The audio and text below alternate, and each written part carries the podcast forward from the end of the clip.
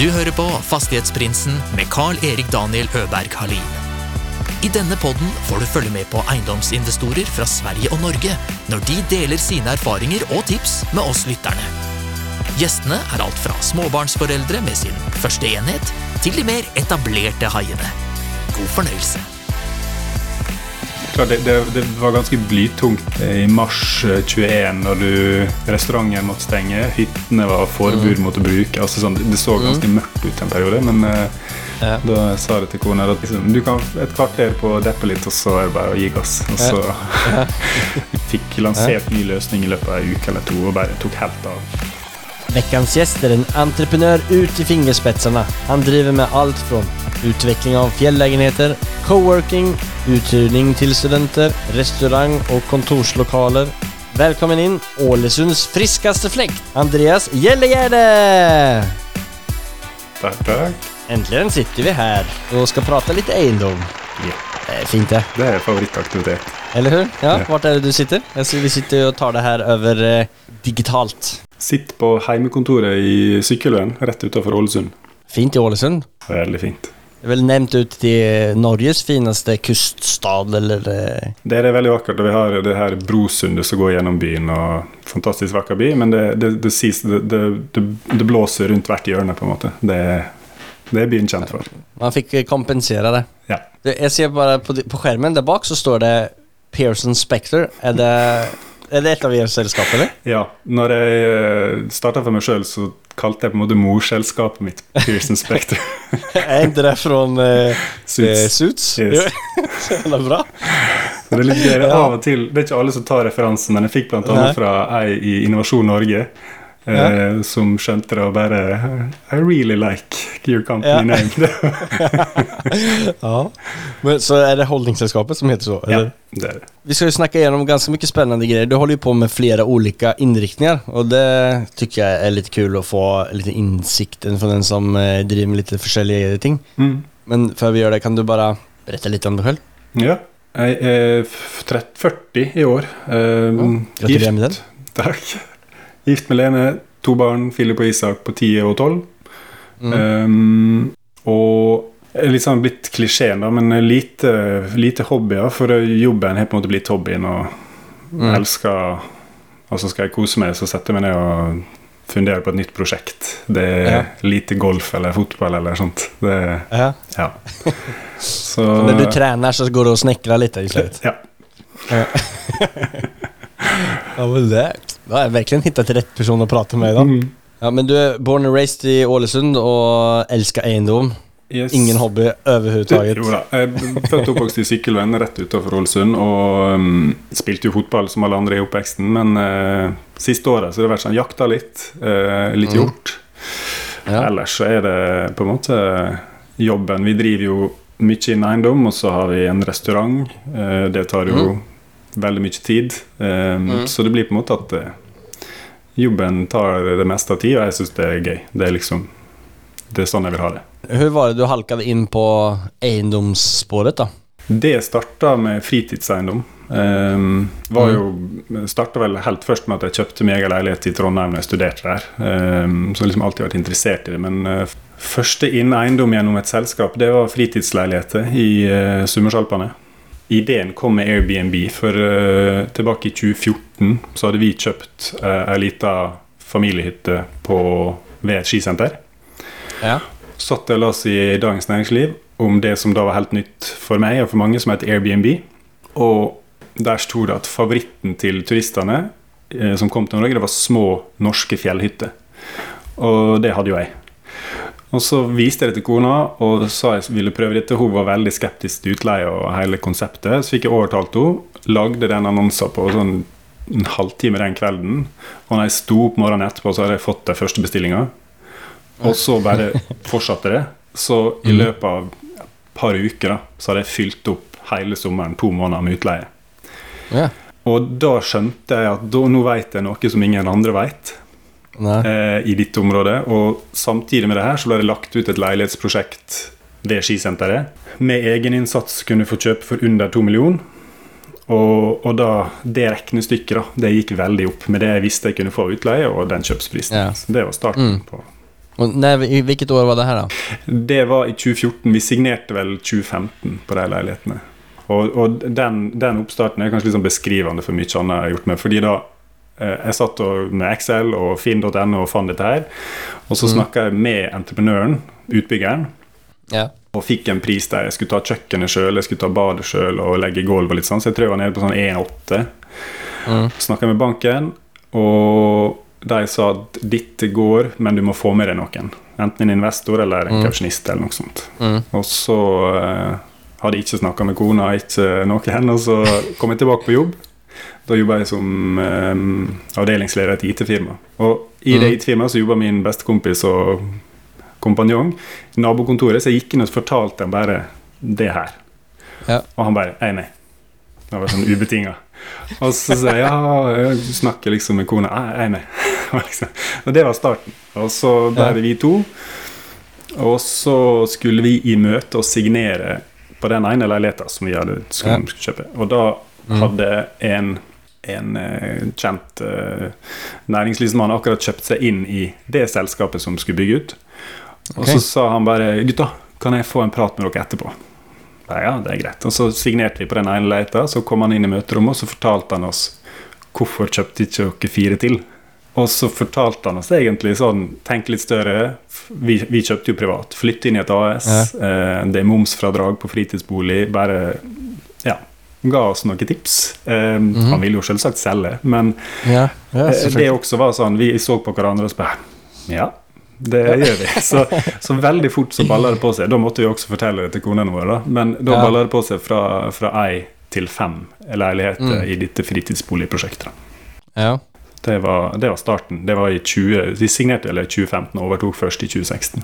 Men eh, du sa at det var momsfritak. Ja, det var litt jokeren i det her. For hvis du driver et utleieforetak Mm. og kjøper eh, sånn som i det tilfellet her, fritidsbolig som skal til utleie, så får Mm. du igjen momsen.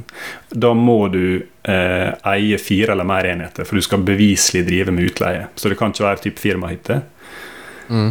Ehm, så her handla vi for ja, 12 millioner og fikk igjen eh, 2-3 millioner i moms. Sånn at Mm. um, Og den beholder du. Altså, den er etter ti år, så er momsen din. Men selger du etter tre år, så er, er det tre år med moms du får, da. Okay. Eh, 10% i året. Så Er det fortsatt så er, Altså, er den regelen fortfarande så, eller? Ja. Ah, det var interessant. Ja. Så den, og, og, det er ikke alle banker, vi var jo i diskusjon med flere, men, men de fleste banker godtar jo selvsagt at kjøpsprisen din er x moms, selv om du må du må jo betale momsen på fakturaen den første gang, men så blir den da refundert. Så du må Ja. ha ei- brofinansiering eller toppfinansiering på momsen, da. Men eh, Ja. Ja. Men får man den tilbake direkte, eller funker det? ja, på neste momstermin så får du den tilbake. Trivelig. Ja. Blev det... Hur många lägenheter till blev det for den? Nei, det ble, det ble ni.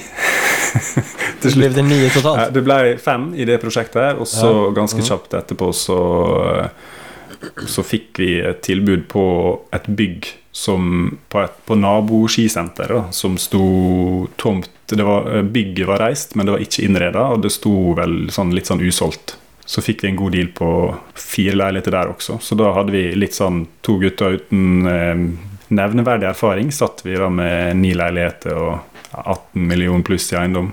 Eh, og skulle betale veldig mye rente og avdrag. Hur mycket jobb er det med å ha nye Airbnb-leiligheter? Det er til tider veldig mye jobb, men vi Og, og vi gjorde det jo sjøl, men det var, det, var, det var gøy. Vi snakka Senest nå i helga så satt vi og tok en, eh, en liten whisky og prata om det. Fordi eh, vi jobba, kunne jobbe sånn til to-tre om natta for å få det klart i utleien dagen etterpå. Og så kjørte vi ned igjen, sov noen timer og var på jobb klokka åtte. Og det var, det var helt greit, for vi jobba liksom med våre greier. Mm. Eh, og vi, det vi også gjorde Vi innreda, bygde alt sjøl. Senger, spisebord, alt sant. Ja. Og det med, da kunne vi stå liksom ti-tolv timer på et verksted vi leide og bygge, og så få frakta opp. Og det, det var all smiles, liksom. Det sto til. Vi syntes det var og er dritgøy. Så Ja. ja. Men, men også la vi oss på et veldig høyt servicenivå.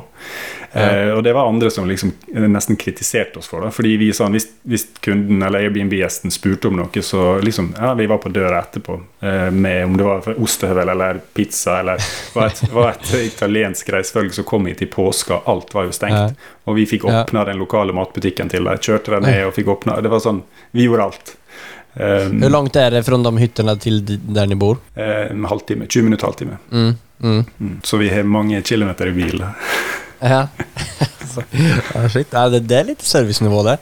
Ja, men det, og det var sånn Det var det vi vant på, fordi vi har nå Ja. bikka vi par tusen utleie, og vi har liksom fem stjerner og ja. Men jeg har leid ut til tusen uh, Ja. hyresgäster. Ja. Det er vel ganske viktig å ha det, Altså ha en bra rating på Airbnb og på alle sånne der eh. Ja. Det var der det starta. Mm. Var ni i jobb da? Ja. Ni driver med två eller du driver med två andre verksamheter. Du hyrer ut Airbnb, du har et sånt co-working næringsbygg og utleieleiligheter. ja. Og litt næringseiendom. Vi har disse, vi har jo solgt Vi solgte de fem første vi kjøpte, det er solgt. Så vi, det vi eier igjen der, det er fire leiligheter, fritidsleiligheter Mm. som går på Airbnb. Og så eh, har vi to næringseiendommer. Eh, en, vi eier den, det lokalet vi har restauranten vår i, og så har vi et nytt, nykjøpt eh, en næringsseksjon som vi holder på å pusse opp nå, til kontor i Ålesund. Og så har vi tre leiligheter og et rekkehus med totalt 18 hybler i Ålesund. Ja. Så utleieporteføljer Alt dette her utleie, det er cirka Eller nå er det rett i overkant av 30 millioner i, i utleieeiendommer. Mm. Og så det som eh, kanskje har tatt mest tid siste året, det er et nybyggprosjekt med leiligheter på det samme fjellet, Strandafjellet. Pudderparadiset i Norge. Der eh, skal vi, holder vi på å sette opp 20 leiligheter. Første byggetrinn ble overlevert eh, for, ja, rett før vinterferien til første Mm. kundene. Og det er leiligheter med en salgspris på rundt 70 millioner i tre byggetrinn. Shit. Okej. Men hur, hur stora är de husen som ni bygger? eh, Eller hvor mange leiligheter er det i hver Det, det er to leiligheter per bygg, Mm. så vertikaldelt. Um, Og de er på 150 kvadrat totalt, byggene. Ja, Ja. Mm. Mm. Decent size for uh, å ha en uh, skihytta eller skileilighet, på. Ja, det har blitt det, det var en takknemlig jobb. Vi jobba jo i ganske mange år med det prosjektet her, da. Hvordan kom, eh, i kom ni igång med det? Eller hur uh, fant ni tak på det? Nei, det med, var jo litt sånn tilfeldighet. Det var han som Og når jeg sier vi i disse prosjektene, så eier jeg 50% av dem med Mm. forskjellige partnere. Og den partneren jeg har på bygging, som Mm. heter Martin, uh, Martin Vollen, han ringte meg eh, når vi lanserte utleieselskapet vårt. All, eller Vi hadde vel møttes før, men vi kjente ikke til hverandre. Og så ringer han og så sier han at han, jeg driver med eiendomsutvikling på mm. nabofjellet deres. Eh, skulle liksom våre veier krysses noen gang, så kan vi ta en prat. Og så inviterte han meg innom kontoret. Så stoppa jeg innom han der, og så prata vi litt. Og så endte det med en sånn type Mm, mentorrolle. Fordi jeg stoppa innom der, da, eh, Ja. kanskje en gang i måneden. Så prata vi liksom eiendom. Og så begynte vi ganske tidlig å skisse på det vi da skulle Eller det vi kalte den perfekte leiligheten på fjellet. Hva skal den inneholde? Og jeg hadde drevet med utleie da i noen år, fått Mhm. masse tilbakemeldinger, og en del av tilbakemeldingene fra kunder var jo på praktiske ting. sånn Skulle hatt vaskerom, større plass Mm. til, større gang, badstue, alt dette her. Så vi begynte å tegne på Ja. alt vi ville ha inn. Og så gikk det vel et par år med litt sånn prat, og så kom den tomta som passa til det her opp. Hvor kom den ut da? Kom den ut på Finn eller kom den ut någon annanstans? Nei, det var via han. Han, han driver og Mm. selger tomter der oppe, og han hadde vel solgt denne her tidligere og kunne kjøpe Ja. den tilbake. Da. Og da fikk jeg kjøpe meg inn i det selskapet til en kostpris, um, og på en måte tok på meg egentlig låneforpliktelsen sammen med han, og så skulle vi utvikle det Mm. prosjektet her i lag. Da. Og da, da skissa vi opp det her fra bunnen av. Alt. Vi lagde alt sjøl av markedsmateriell og, og liksom både konseptet og hvordan det skulle se ut. Og lanserte Ja, skulle lansere en, uke uka etter korona kom okay. til Norge. Eh, og da var det hytteforbud, og vi måtte jo til og med kalle gjester ned fra utleiehyttene våre. Ja. Det var ganske sånn ok. Så vi stoppa, men så skjønte Ja. vi, så snudde jo det, så skulle Mm. alle til fjells. Så når vi lanserte, da, så tror jeg vi solgte ut alt første byggetrinn på Ja. en måned eller to. Så var det liksom poff. Så eh, det er ekstra artig når du har gjort det sjøl. Så fra at, man, at ni kjøpte den tomten, kan du ta oss liksom Mm. litt grove punkter igjennom eh, fram til eh, overtakelse? hvordan et sånt prosjekt fungerer? Ja. Vi kjøpte tomta med et investorlån Mm. som EK. Så vi hadde bankfinansiering pluss en, en investorfinansiering på EK-en Mm. på to millioner. Som eh, vi måtte bære. Altså ni spe- inn lånat egenkapital på to millioner? Ja, Ja. til 10% rente. Mm. Typisk. ja. Og, og det var egentlig det vi visste. da, Så veien ble jo litt til. fordi da var jo det, Vi var i dialog med flere banker, men noen skulle jo ha eh, så og så mye EK for Mm. å få byggelån. Noen skulle ha forhåndssalg. Og ja, vi, vi visste ikke hvordan vi skulle komme i mål, annet enn at vi visste hvordan det skulle se ut. Vi fant eh, entreprenøren vi ville bruke. Også en sånn tilfeldighet som jeg møtte en på et eh, seminar i Molde og endte opp med å bli Mm. vår eh, entreprenør. Men ja, vi utvikla, gjorde det klart for salg, og da hadde vi jobba såpass lenge med det og med denne koronautsettelsen at vi har jobba i halvannen, nesten to år.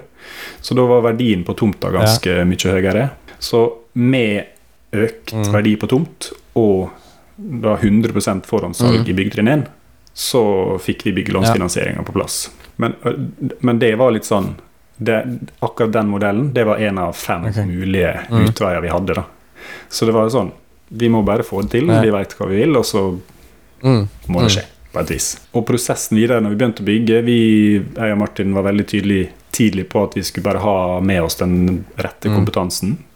For vi, han er drevet med tomteutvikling, jeg er drevet med kjøp og utleie. Nå skulle vi bygge. Så vi har med oss eh, byggherrerepresentant fagmann fra Mm. Consulting, Ole Andreas, som har vært liksom vår høyre hånd på alt Mm. det byggtekniske. Jobba veldig tett med entreprenøren og prosjektlederen der. Vi satte oss opp et sånt, eh, en container, et kontor, på byggeplassen, som vi, sånn at vi, vi er der så mye vi kan og prøver å være mest mulig involvert, og så har vi dyktige Mm. folk med oss. Så var jo det litt koronaforsinkelser på noen treverk, så vi var en måned pluss forsinka, men eh, overleverte nå til kunder i ja, fredag før Ja, okay. vinterferien, og det var tidenes Ja. beste feeling. Det var helt fantastisk. Vi var veldig fornøyde kunder, og vi, vi følte sjøl også at vi leverte det vi Mm. sa vi skulle levere. Du kunne på en måte ta 3D-bilder og så bare flytte det, og så sto det der. Shit, og det var helt härligt. Det måste vara en sjukt skön känsla att få gjennomføre et sånt prosjekt helt fra start til uh, fall. Ja, det er det. Så vi satt der og så bare litt Ja. må gjøre mer av.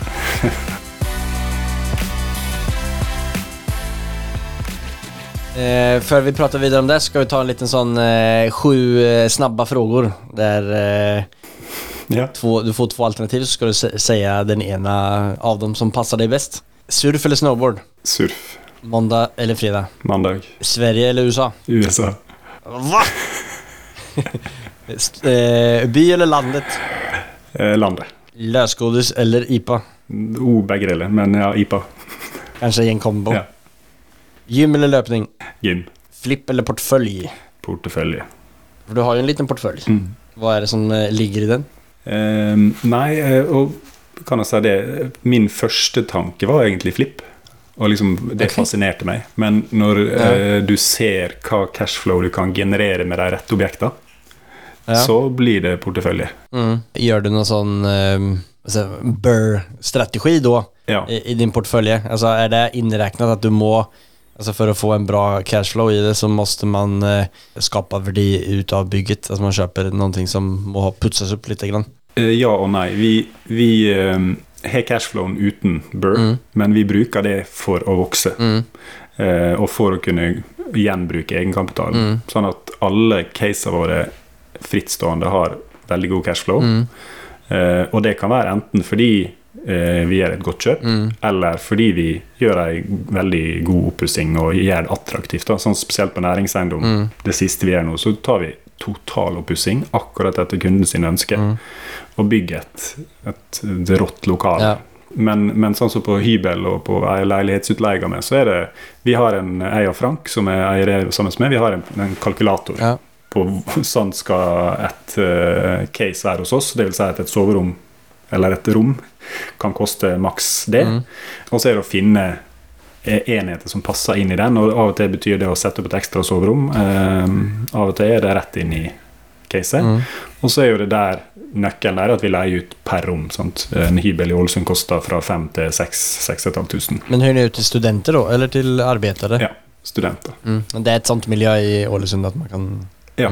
Det stort og voksende. NTNU, som er største universitetet, det kom til Ålesund eh, for en del år siden. Ja. Før var det en høgskole, nå er det NTNU, og det har gjort at det vokser mm.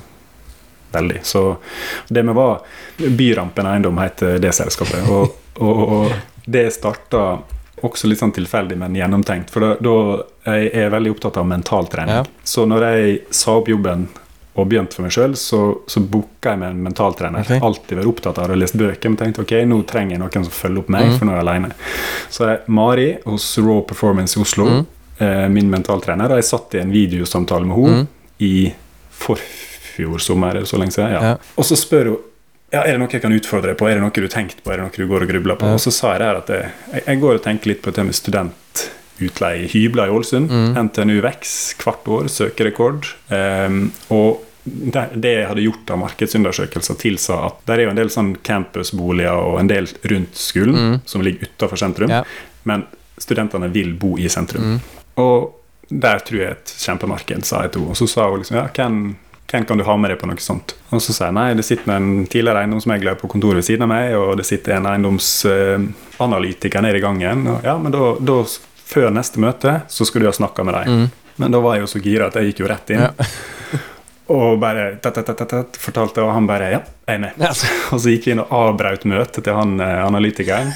Satt i videomøte. Er det viktig? Ja, ja, men få liksom fem minutter. Og så pitcha vi ideen, og så hadde vi vel starta selskapet og kjøpt første eiendommen. En eh, positivt gjeng i Ålesund. Ja, ja det, det er det absolutt. Ja, men det er bra. Ellers er det bare ekstremt bra muligheter. Ja, og det, det er det jo. For, eksempel, første leiligheten vi kjøpte, vi kjøpte for 2,7 millioner. Bygde ett ekstra soverom, så der er fem soverom. Har en 27 000 i måneden. 27, In på 27 000 i måneden. Ja. Ja. Så det blir eh, Og- mer enn 10-11 prosent Ja. i sånn brutto eller hva man skal kalle det. Ja. Mens ser du, jeg så jeg fikk opp en annonse på Finn for uh, det store utleiemaskin på Sankthanshaugen. Mm. 27 000 inn i måneden. Ja. Og så bare, ja, det er jo bra, men den koster 5 millioner. Mm. Sant? Og så her oppe kan du kjøpe Eiendommene våre ligger på fra 2 ja, 2-2, 2-4 oppover 2-7. Og da er det 4-5 soverom. Mm. Men der Så- er du inne på en, en, en sak. De koster jo de er rimelige å kjøpe, Mm. men øker de noen ting i verdi? Ja, vi er fokusert på en del av byen som vi mener skal øke. Mm, Okay, eh, som det blir mer og mer populær. Mm. Ja, der er en, på en måte en, der er en utvikling Mm. kommunalt av sørsida av byen. Eh, og så løfter vi dem. Vi tar, vi, sånn, igjen, Den første vi kjøpte, så, så laug bildet litt. Den var, ja, vi, vi fikk den ganske fort opp på et nivå som gjorde at den var pen og, og verdt pengene. Eh, den andre var det var dødsbo, og vi reiv alt og bygde opp på nytt. Mm. Så, og da, da tar det jo definitivt en verdiøkning. Ja. Um, Men hur ökar eh, lägenheter och bygg liksom generellt? Alltså när man har fixat dem upp och så år fyra, mellan år fyra och år fem efteråt då? Alltså mm. hur ökas det i Ålesund för exempel? I, altså, i vanlig mm, snitt er vel en sånn eh, 3-4% per Mm. år, så det er ikke så mye. Sånn, men, men vi gjør det noe, gjør det en ombygging, sånn, så får du en Mm. annen type. Altså Vi kjøpte Den brukte vi jo en del på oppussing, Mm. men den ene kjøpte vi jo for 1,7, Mm. og så takst, ny takst var 2,4 Mm. eh, etter oppussing. Så det, du har ikke det samme Du har ikke samme veksten som Nei, men, Oslo, men, eh, men- nok for at det, det skal være attraktivt for deg. Altså, Ja. Det er en diskusjon som jeg har hatt med flere gjester tidligere, eh, visse er veldig bestemte bestämda i det lägret eller i det lägret. Altså at man fokus, eh, Mm. Noen som har holdt på en stund sier at jeg ønsker at jeg hadde fokusert mer på, altså på sånne eh, platser eller eh, bygg da, som økte mer i verdi, eh, enn at Mm. bare satse på cashflow. Jo, det er enig i, i den. For vi, vi er veldig obs på at vi skal kjøpe enheter som er attraktive Mm. å selge. Ja. Sånn at Mm. det fins jo cashflow-eiendommer som ligger eh, for seg sjøl, ikke så veldig salgbare. Da. Så det er vi opptatt av at Mm. det vi kjøper, skal lett kunne selges igjen, sjøl om det ikke altså, nødvendigvis har samme prisstigninger som i byene. Nei. Det er omsettelig. Mm. Ja, ja, men det er vel viktig det. Men det, det, i, det, i de barna det som er veldig fascinerende med næringseiendom, er jo den her For der er jo det leiekontrakter de som definerer Ja. verdien. Og det blir jo lettere å kontrollere, eller liksom Da er det mer sånn matematisk. Mm. Mens på kjøper jeg leilighet, så er det sånn meglersvurdering og ja, litt mer luftig. mens, eh, mens på næring, sant? ok, du har den kontrakten, du har det i måneden, da er eiendommen verdt det. Ja. Og da kan det jo mer eh, Sånn som den vi kjøpte nå sist, den sto tom, sant? så den ble på en måte kjøpt som et tomt lokale. Mm. Og så pusser vi opp, får inn leietaker, så da er det et annet Hadde ni fiksa den leietagare før ni kjøpte den, eller? Nei, nei, vi kjøpte på spekk. Mm. Eh, jeg hadde fulgt med den. Den lå, ligger i samme gate som vi har coworken Mm. vår. Så bare sett at den lå, eh, lå usolgt. Mm. Eh, tom. Var tidligere galleri og kontor. Mm. 300 kvadrat, 280. Og så var det jeg og Martin som har dette nybyggprosjektet. Vi har jo et, et overskudd etter første år. Ja. Så var det liksom OK, hva kan vi gjeninvestere det i noe? Mm. Eh, og da ble det det her. Jeg, og der var det litt sånn Der er jo det en tydelig Burr-strategi i form av at du kjøper noe Ja. tomt og skal fikse det. Så, så det var med den i bakhodet, men Og han ja, vi, Som du skjønte, vi sa jo ja, så jeg pitcha ideen på telefonen, tror jeg, og så han bare ja. eh, Vi stikker på visning, og så ser vi, og så ja, og så ble det. Og så var det um, faktisk interiørarkitekten som vi brukte på Roalden Skigard-prosjektet. For vi brukte arkitekt eh, til å definere 3D-bilder, Ja. eller interiørarkitekt. Hun sitter på coworken vår, hadde sagt opp og skulle ut i et annet lokale. eh, For de trengte showrom og størrelse. da. Men jeg, le- jeg le- leide hun til å tegne opp, lage noen 3D-skisser mm. av dette nye bygget som vi kjøpte, Ja. for å legge det ut som kontor. Og så gikk det litt tid, og så gikk det skeis med det lokalet jeg skulle inn i, og så endte det med at nei, dette vil vi ha. For da hadde de begynt å tegne på det, liksom. Okay.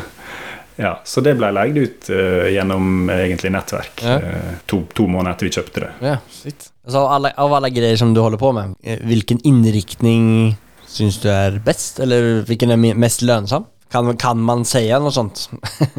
Litt svårt i olika... Det, er den som altså, Sånn som det nybyggprosjektet Mm. vårt, det er jo så stort at det, det betaler jo Det betaler jo lønna mi Mm. eh, i stor grad. Mm.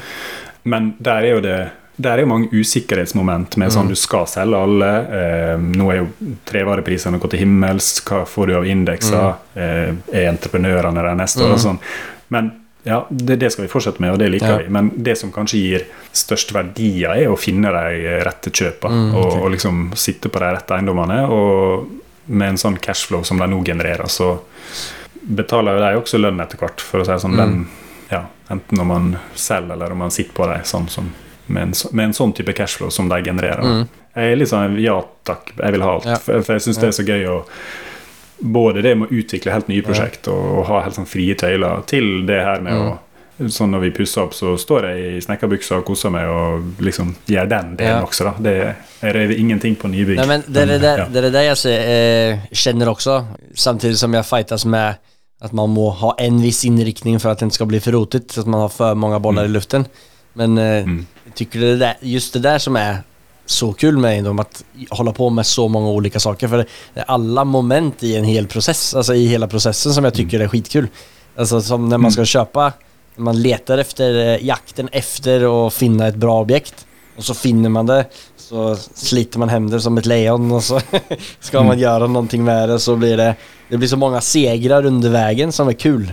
Du blir, du blir Ja. glad när du får leja den ut, du blir glad när du får taxera den för bättre än vad du hade hoppats på. Och Du framstår ju som en som bara go get och kör på. Eh, Har du alltid varit det? Du sa att du var väldigt upptatt av mental träning. Har det, kommer det från att du har varit, känt dig lite hämmad på det eller har du bara varit jävligt duktig på sådana saker? Eh, alltid vært sånn. Jeg starta mitt første selskap eh, da jeg var 18-19 og, Ja, okay. og var alltid vært sånn gründertype, selv om den gangen så kalte ikke vi det gründer. Nei. Men eh, drev, eh, jobba i Telenor i mange år, drev egne butikker i Trondheim igjen med en gjeng som eh, er gode venner i dag. Men fakt, det, det der mentaltreningsbiten, det kom Da var jeg med Telenor i Marbella på samling. Og så, Det var da når Bertrand-bølgen slo innover landet, og mentaltrening ble litt sånn kult. Så, så hadde vi en fra Bertrand på scenen og fortalte om dette her, og det traff meg ekstremt. Det med at å, å liksom ha kontroll på det mentale, og hva du kan oppnå da. Han var jo eh, tidligere elitesoldat, han som var på scenen da, og fortalte liksom sin erfaring med mentaltrening. Et par uker, eller uker før vi dro ned, så hadde jeg akkurat kasta krykkene, for jeg hadde operert kneet. Ja. Så jeg gikk sånn, jeg gikk, men det var litt sånn eh, ugent. Og så faktisk, eh, ikke, ikke, ikke i fylla, men på kvelden på middagen, så klarer jeg å vri kneet når jeg sitter bords, mm. og det bare låser seg. Så jeg, jeg må få en til å gå i resepsjon og finne krykker. Og så var det sånn, det var sjukt tungt når jeg kom opp igjen på hotellrommet. Vi hadde jo den, vi skulle være i Marbella og kose oss, så det var liksom den planen.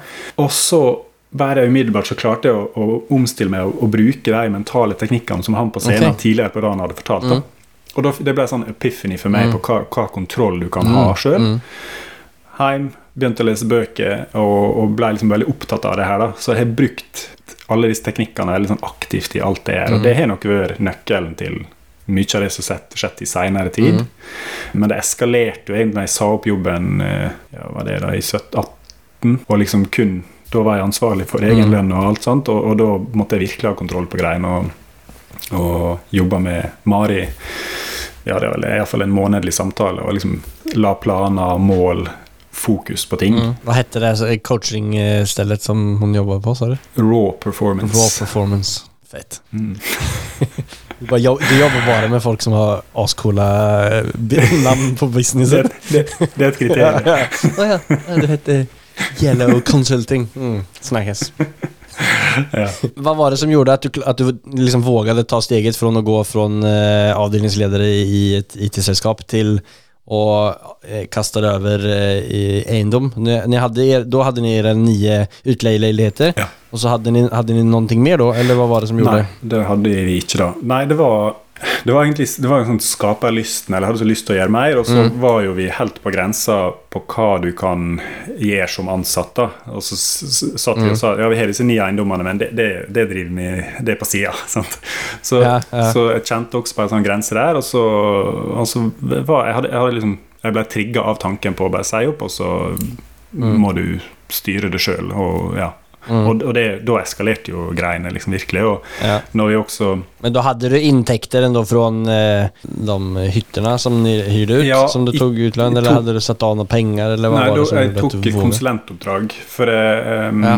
jeg er jo utdanna markedsfører, og det er jo det jeg har Mm. gjort også i mange av de bedriftene jeg har ansatt, så er det markedsføring jeg jobber med. Så jeg tok eh, på meg si, typ opp mot halv stilling da, som konsulent her og der. Mm. Og så jobba jeg resten av tida med, med egne prosjekt og bygde opp. Og så igjen mm. der la jeg sammen med Mari en sånn helt konkret plan på hvor skulle vi. Mm. Og på et tidspunkt så måtte jeg da begynt å si nei til konsulentoppdrag, og også si opp Mhm. konsulentoppdraget jeg hadde, for nå skulle du Mhm. fokusere på ditt og komme dit hen. Så ja, når vi eh, fikk opp de siste eiendomsselskapene og, og byggeprosjekt og sånn, da, da, da var det sjølbærende. Da levde jeg kun av det. Så nå vi har jo Jeg driver jo et byrå, et uh, digitalt markedsføringsbyrå enda, men der Ja, det det. at jeg er sjef og CEO og styre, vi utvikler Mm. programvare, så jeg har en fot innafor det, og det kommer litt oppdrag der, men kan liksom ikke ta på meg noe stort lenger. Nei, du har litt lite litt utleieleiligheter, litt næringsbygg, litt co-working, litt restaurang, litt markedsførings... Yes. Så jækla kul. Ja. Holder det opptatt? Ja, det er sånn, det er livsstil, og det ja. Ja. Klart, det, det, det var ganske blytungt eh, i mars eh, 21 når du, restauranten måtte stenge, hyttene var forbud mot å bruke. altså sånn, Det så ganske mørkt ut en periode, men eh, Ja. da sa jeg til kona da til Nå plockar du fram litt Bertram-teknikker? Ja. det er liksom, Du kan et kvarter på å deppe litt, og så er det bare å gi gass. Og så, vi snudde jo det digresjonen, men restauranten så eh, måtte stenge, og liksom var jo uvisst. Og så Mm. når vi på en måte fikk snutt oss, så er det greit. Vi, vi, vi bygger om eh, vi, nytt kassasystem, nettbutikk, begynte å selge takeaway. Fikk lansert ny løsning i løpet av en uke eller to og bare tok helt av. Og, og liksom Ja. mata ut takeaway og overlevde på Mm. grunn av at vi snudde oss rundt da istedenfor å Ja. Ja. Mm. wait it out. Så Men er du en veldig positiv person? ja, irriterende positiv, da, ifølge kona. Ja.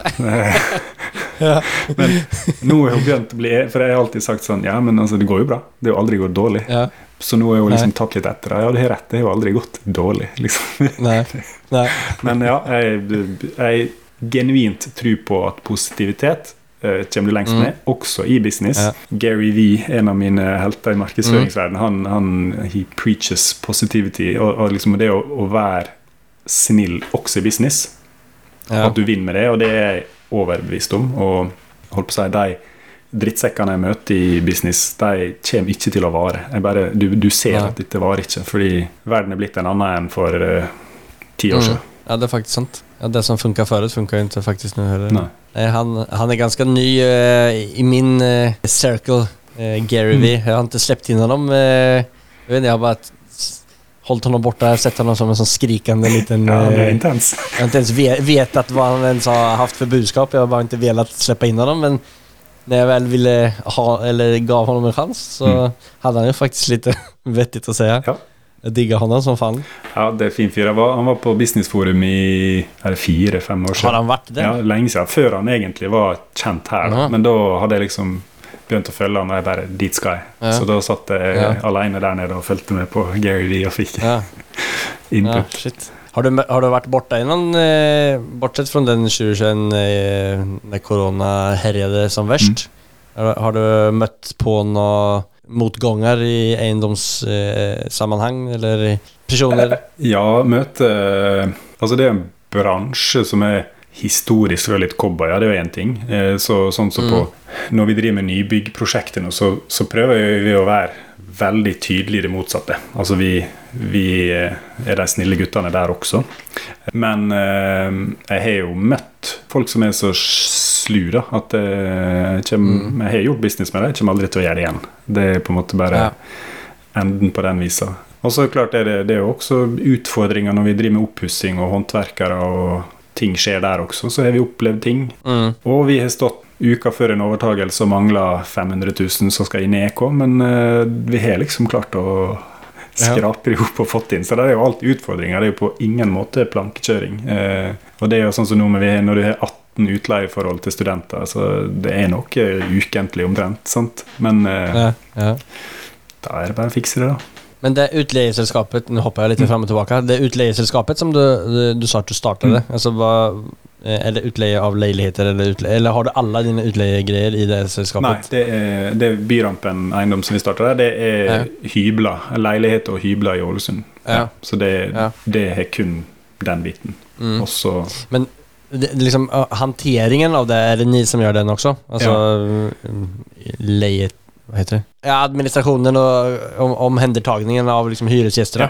Vi bruker hybel.no. Fantastiske verktøy. eh, Og blir bare Mm. mer fantastisk til flere gjester du er, Mm. eller til flere kunder du har. Så det fungerer veldig godt. Og så Mm. ellers er det det vi som tar vi, vi har vaskebyrå sånn som på sommeren. Når studentene flytter Mm. ut, så kjører vi en del Airbnb. Da har vi innleid byrå som tar inn utsjekk og vask. Mm. Men vi tar sjøl alt på en måte som skal være av problem eller utfordringer eller ting de trenger hjelp til. Mm. Det tar vi. Ja, nei, vi... eh, Det vi har snakket om mye, känns, känns som vi skulle kunne sitte og prate i hvor lenge som helst. Det er massa, masse spennende som eh, du har å dele med deg om.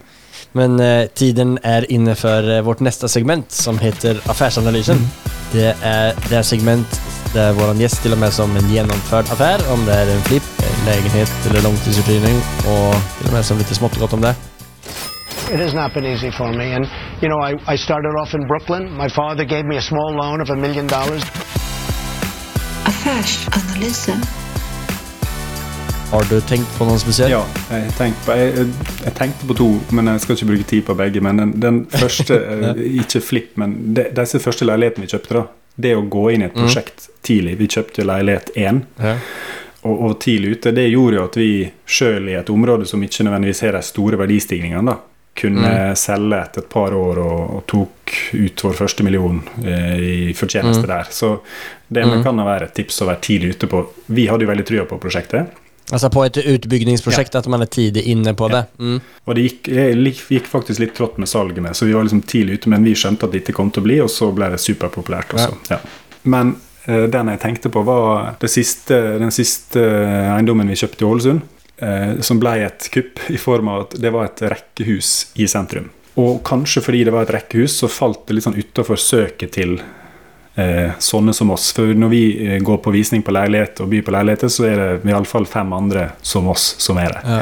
Men her var ja. vi eh, alene. En familie som bydde takst, og som ga seg. Så vi fikk det liksom for 2450. Mm. Og der var det da i de hovedetasjene i rekkehuset, så var det tre soverom. Det fjerde hadde de tatt ned, så det satte vi opp igjen. Og så var det full nyoppussa sokkelleilighet som eh, mangla godkjente vindu. Så vi brukte 100 000 ca. Fikk opp den siste veggen, pussa litt opp og fikk satt inn godkjente vindu.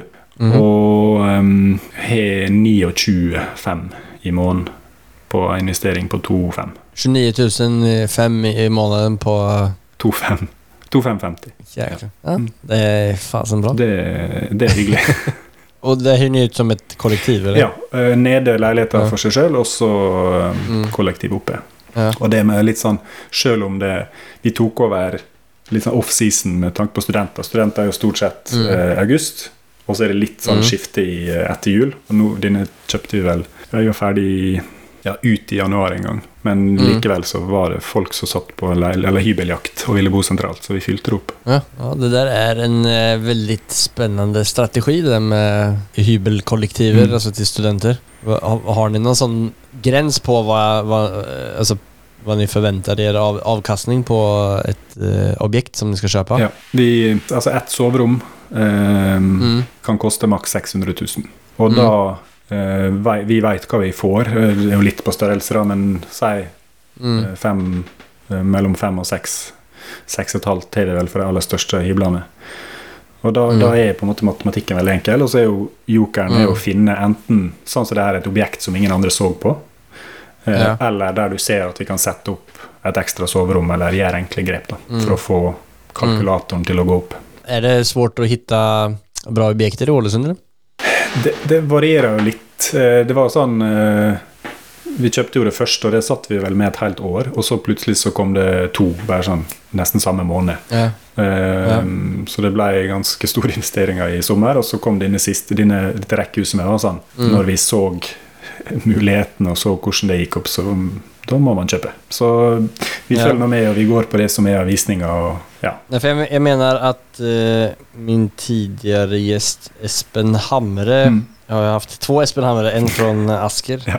i episode 19 og så en Espen Hamre från Molde i episode 21. Mm. Han fra Molde.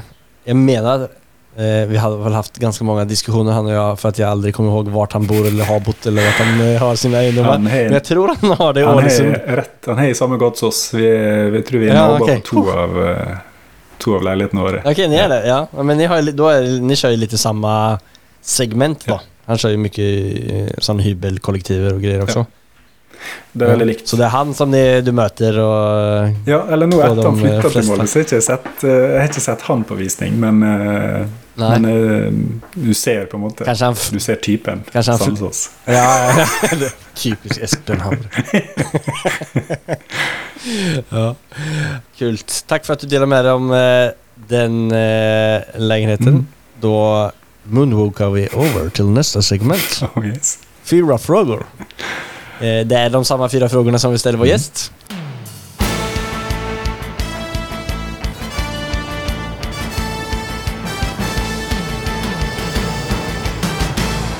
Cuatro preguntas. Och den första frågan är, vad är det som skiljer från en framgångsrik entreprenör mot de som inte lyckas, slutar eller aldrig kommer igång? Det å tørre å komme i gang. Ehm, Det er vel litt sånn Ja. eh, gjentagende for meg med at eh, Jeg husker sånn som første leiligheten, så var det at jeg turte nesten, det høres så rart ut, men at jeg turte å sende den mailen til entreprenøren eh, og spørre. Fordi da visste jeg at da rulla jeg ballen. Ja. Så veldig mye av de tingene jeg gjør i, i alle selskapene mine, så er jeg ofte han som får ballen til å rulle. For da, da må det skje. Mm, okay.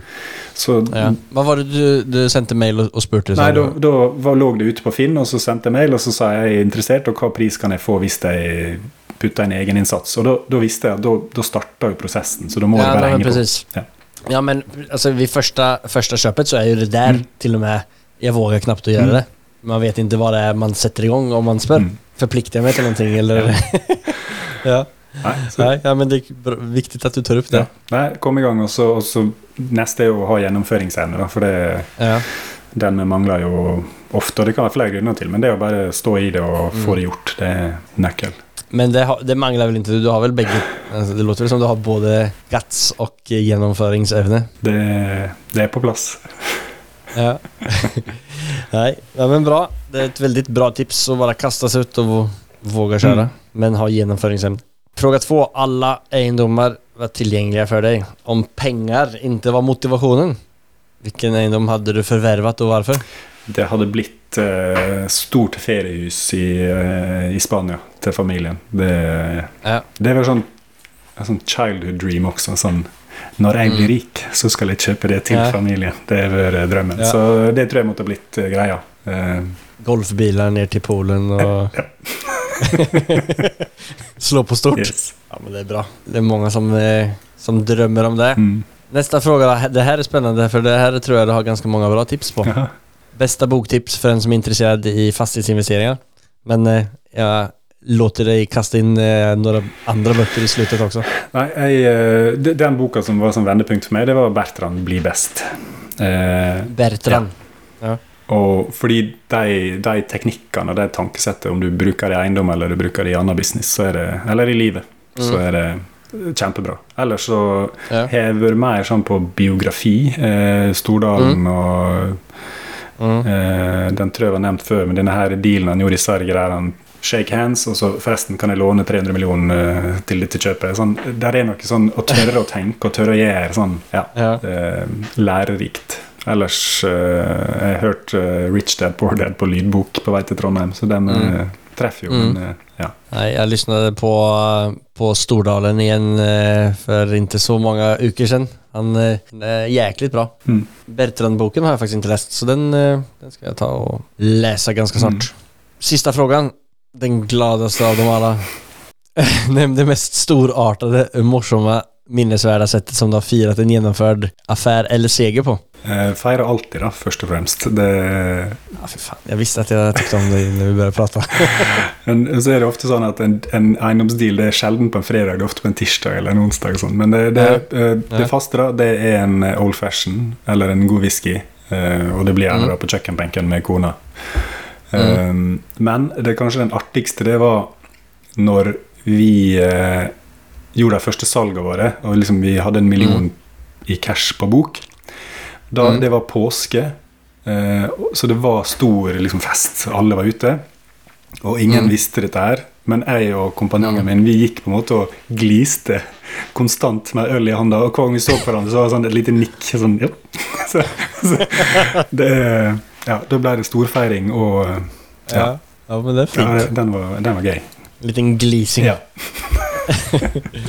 Ja, det är bra. Det är bra att fira. Jag är, det är inte så många som er är så flinka på det. Jag är inte helst, heller världens bästa på att göra det, men eh, det är väl det är just därför som jag valt att ha med den frågan, Mm. för att lägg, altså belyse det. det. För det er så jævlig viktig å fokusere på de små greiene. Ja, det er det. Og, og så går det fort over. Hvis du på en måte ikke tar Ja. en liten feiring, da, så blir det fort glemt. Så nå på den siste dealen vi gjorde med, så da, da gikk jeg og kjøpte en sånn latterlig dyr whisky på polet. Og så tok jeg bilder bilde av den ja. og sendte til kompanjongen min. Så sa jeg når, når dette lander, da skal denne drikkes. så, Ja, ja. så gikk vi og venta. Men eh, ja, Ja. feiring må til. Når, når, og når när vel skulle fire den så var den slutt? Her er den uh, Tomflaska står her nå, men det var en hard dag i dagen etter, ja. og det skal jeg si. ja, men bra. Har du noen spesielle deals som du er på jakt på nå? Eller håller du på å gjøre färdigt greier? grejer bara? Ja, Det vi kikker på nå, det vi jobber med nå, det er um, Og vi ser på lagerbusinessen, skulle jeg si, um, Mm. som har jo blitt veldig stort i Norge. Um, Mm.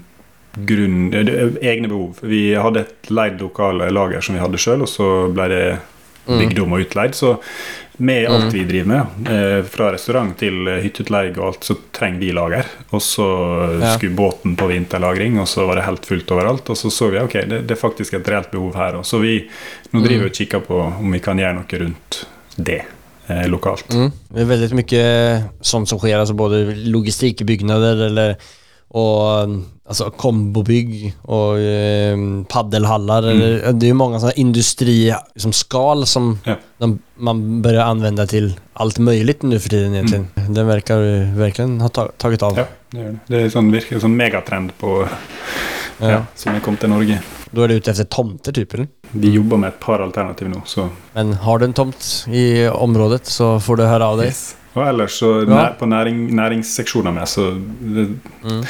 det er, som jeg sa, litt sånn eh, fascinerende med Her handler det om leiekontrakt. Få på plass Pusse opp, Ja. bygge noe kult, og så da, Mm. da får du på plass en leiekontrakt, tenker jeg. Så Mm. næringsseksjoner med er vi på jakt etter. Ja men bra. Og hvordan kommer man i kontakt med deg på beste sett? Det må være Facebook eller Instagram. Og hva heter du på Instagram? AJLR. Då lenker vi til både Facebook, Instagram og litt mails i beskrivningen til podden. Yes. Så de som har eh, tomter og alt mulig eh, eller bare vil slå av en eiendomsprat. Yeah. Ja, men grymt. Det var jättekul samtal måste jag säga. Takk samme. Riktigt eh, inspirerende, duktig person. Har mange jern i elden Og jeg tror at eh, eller jeg er helt sikker på at du kommer eh, få ditt feriehus i Spanien. Goals. ja. da takker jeg for det så går vi videre til vårt så høres vi. Yes, takk for at jeg fikk komme og prate. Takk for Det här var ett riktigt härligt samtal. Jag är övertygad om att det är på grund av hans inställning och härliga person som har gjort att det går så bra. Vilken av alla saker gillar jag mest? Ja, kan inte helt bestämma mig. Det är bara så kul att se någon som får till det med så många olika inriktningar. Men en sak är säker, att jeg nå skal undersøke nybygg av fritidshus så jeg kan bli rik på moms. Ha det!